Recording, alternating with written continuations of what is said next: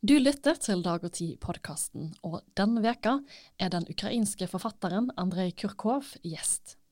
Han skriver eksklusivt for Dag og Tid. Og jeg vil informere om at intervjuet ble gjort 20.9., altså dagen før talen til Putin, der han snakka om delvis mobilisering. Hvis du vil lese artiklene til Kurkov og mye annet, da kan du bestille et gratis prøveabonnement på dagogti.no prov.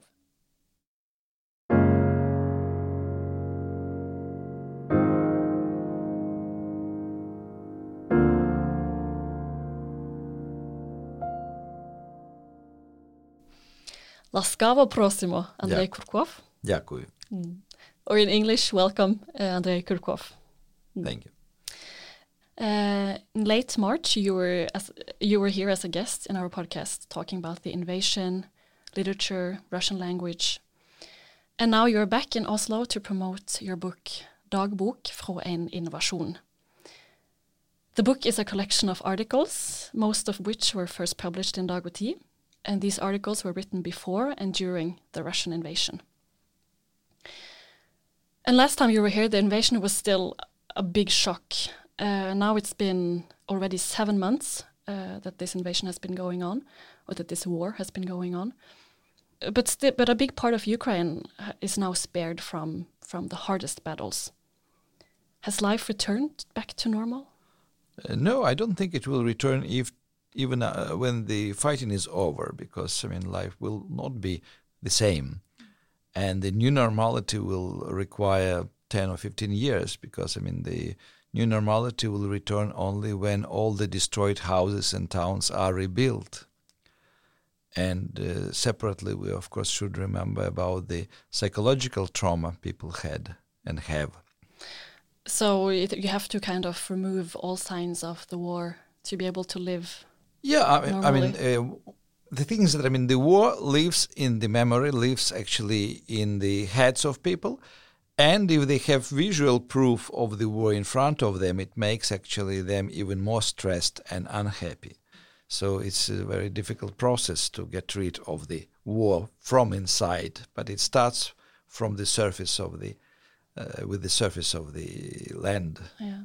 So how are people coping now when when kind of the shock of the invasion is is over, but the war is still ongoing? How are they coping with this situation? Well, it, it depends where they are and who they are. Uh, because, I mean, for people in Kharkiv, it is very difficult to cope with life at all, but they are very defined. I mean, Kharkiv is shelled every night, every day. So you can go out to buy milk in the shop and you can be killed on the street by accidental shelling. Uh, but people don't leave. I mean, people who stay, actually, some people are returning to Kharkiv, and it is a big city with almost million people living there. In Kiev, uh, during last six weeks, it is easier. Kiev was not shelled in the last six weeks, so life, if you just look at the streets, returned to normal. But there are still checkpoints. There is a curfew. You cannot actually walk in the late evening, in the night, across the street. So, I mean, the war is also present. But you can go to a restaurant, you can go to the theater. The theaters start their performances earlier so that people could get home before curfew. Do you think Ukrainians that have traveled or uh, escaped to other countries will return? Uh, well, at least half of them will return, maybe 70%. Uh, but if they came from the zones which were completely destroyed by Russians, from Mariupol, from some towns in Chernigov region and Kharkiv region, I mean, if they have no place to return to, uh, I can accept that they will stay where they are.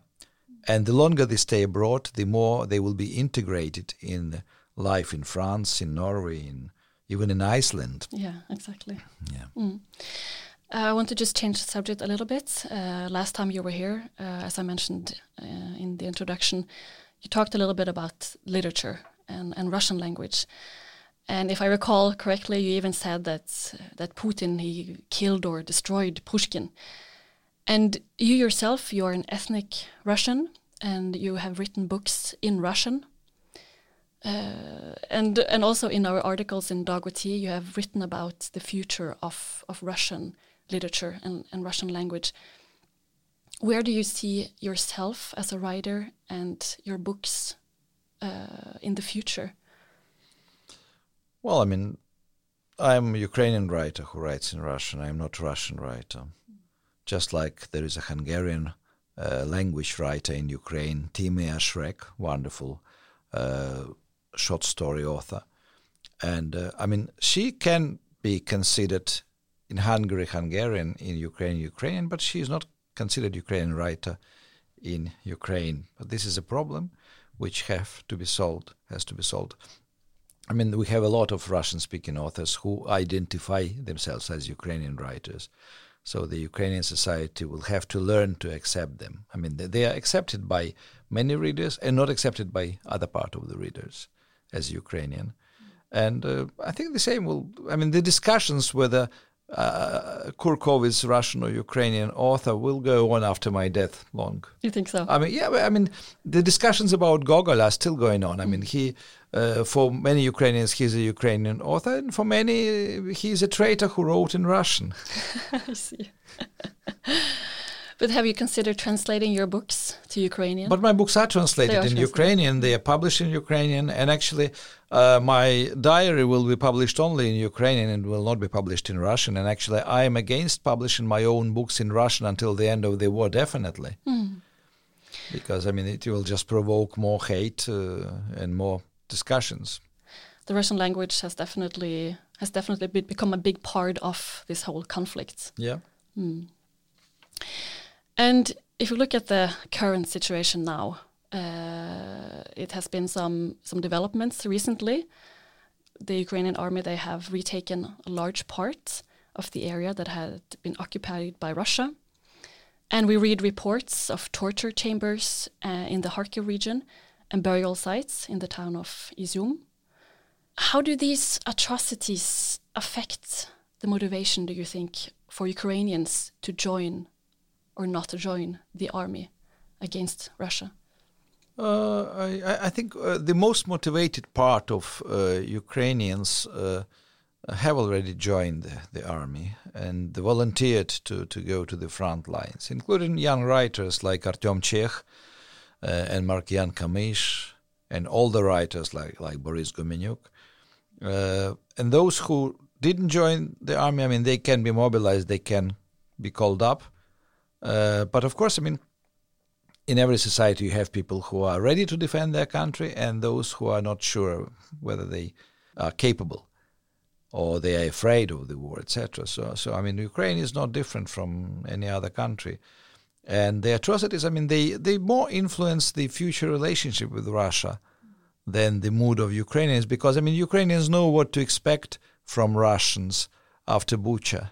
And I mean, the, the fact that actually uh, you can find the same atrocities in other places of, on the occupied territories. It just shows probably that Russia did not evolve from 1930s, from the times of NKVD, from Stalin uh, torture chambers in the in Gulag camps, etc. So I mean, Russia is coming back to the Stalinist tradition to physically destroy the enemy or whoever is under suspicion. Uh, so, I mean, you have to live with it. You have to live with understanding what kind of neighbor you have. Will there ever be a relationship, do you think, between Russians and Ukrainians? Well, not in my lifetime. No. No. Mm. Russia is very clear, or the Russian government is very clear, that Russians and Ukrainians belong together. They are one people.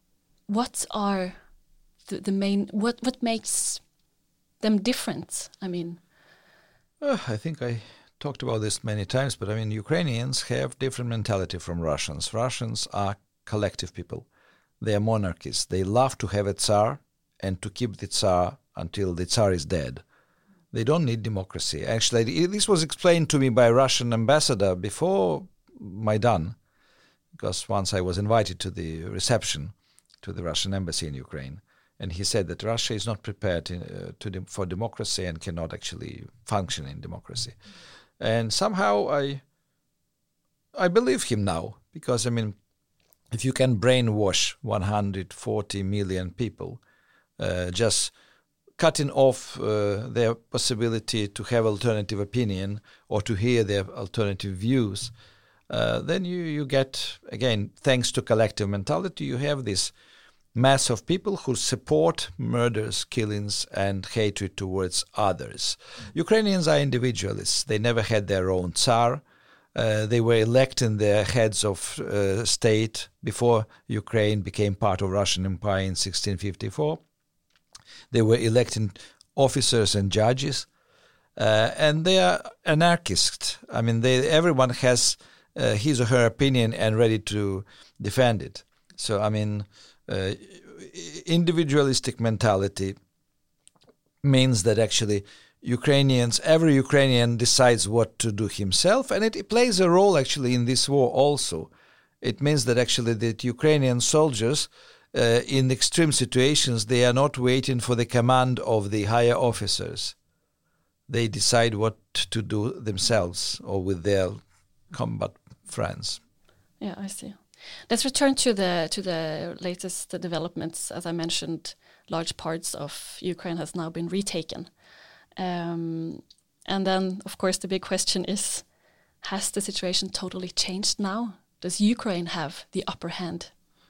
Uh, I think it is too early to to say. I mean, uh, Russia is huge. Russia has human resources. They are sending now. Actually, they are giving choice to imprisoned criminals offering them uh, to become soldiers, and then if they survive, to be uh, free from prison, from their prison terms. And uh, and they persuaded already six thousand criminals in Russia from Russian prisons to come and to join Russian army. So I mean, they will continue to be inventive in this way. Uh, but I, I, mean, neither criminals nor Russian soldiers are really motivated uh, to fight because I mean Russian soldiers are fighting because they want money. I mean they're all contract, they're all paid soldiers.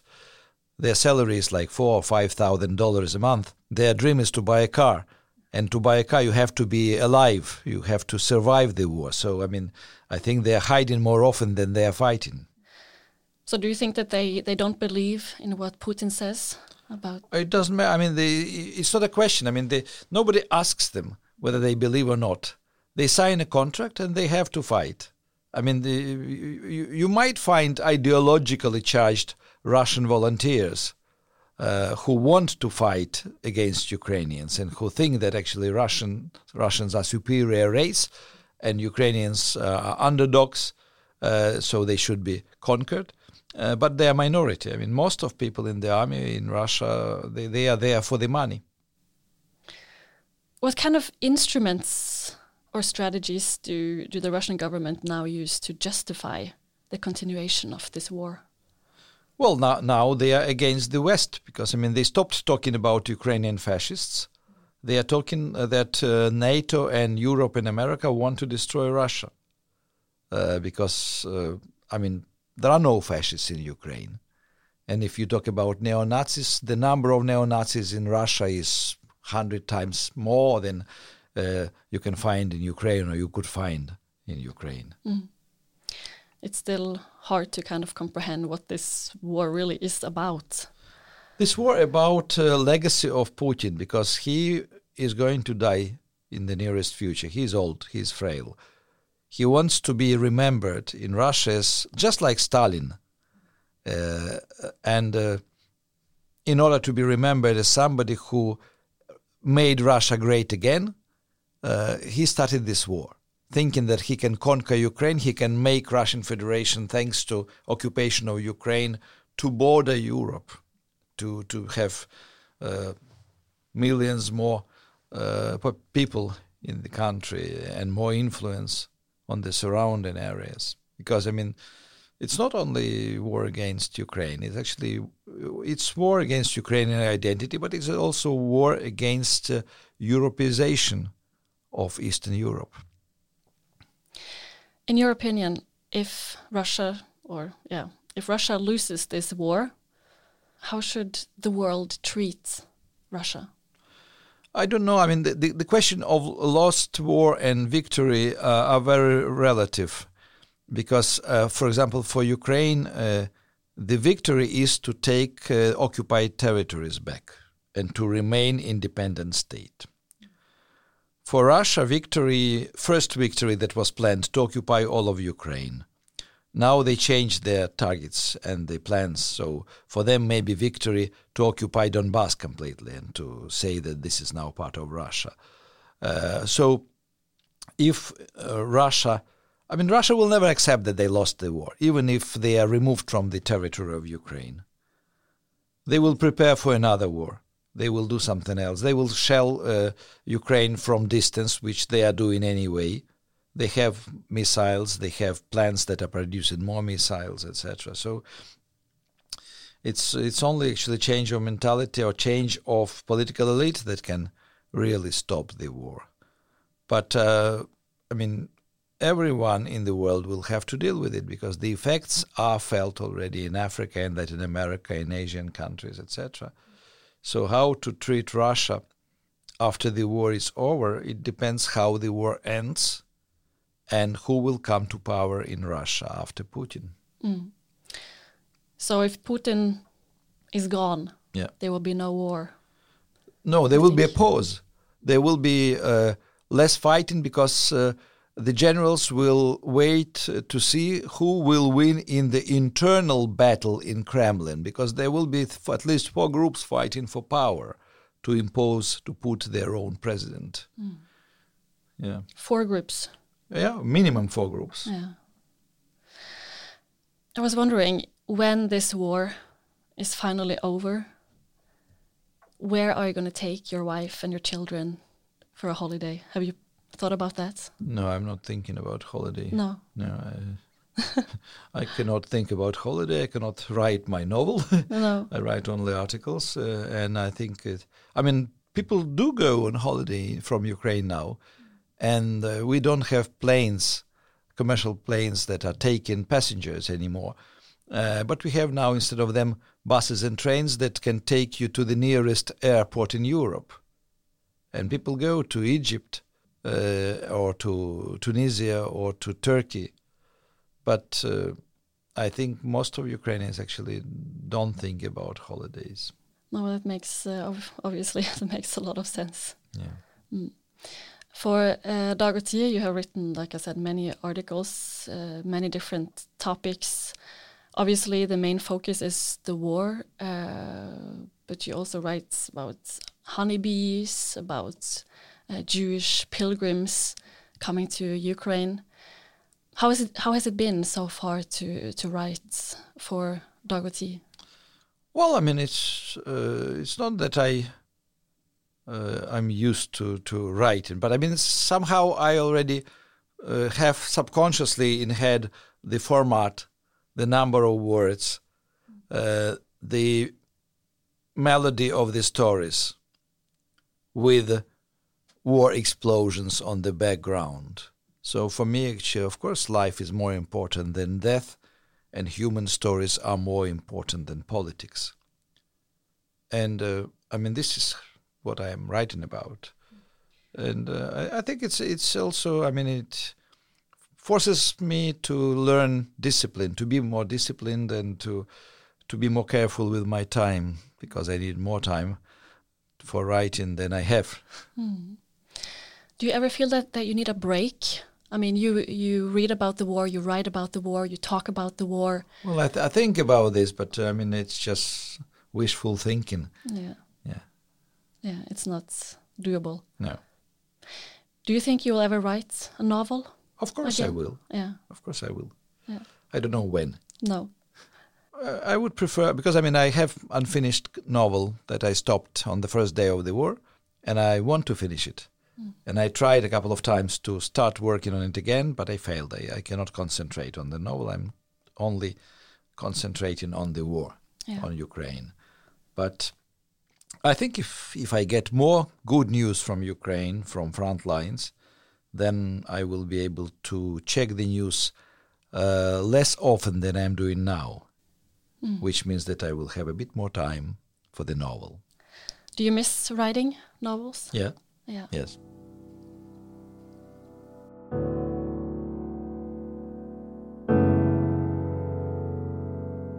Thank you again for joining us here in the studio. You're welcome.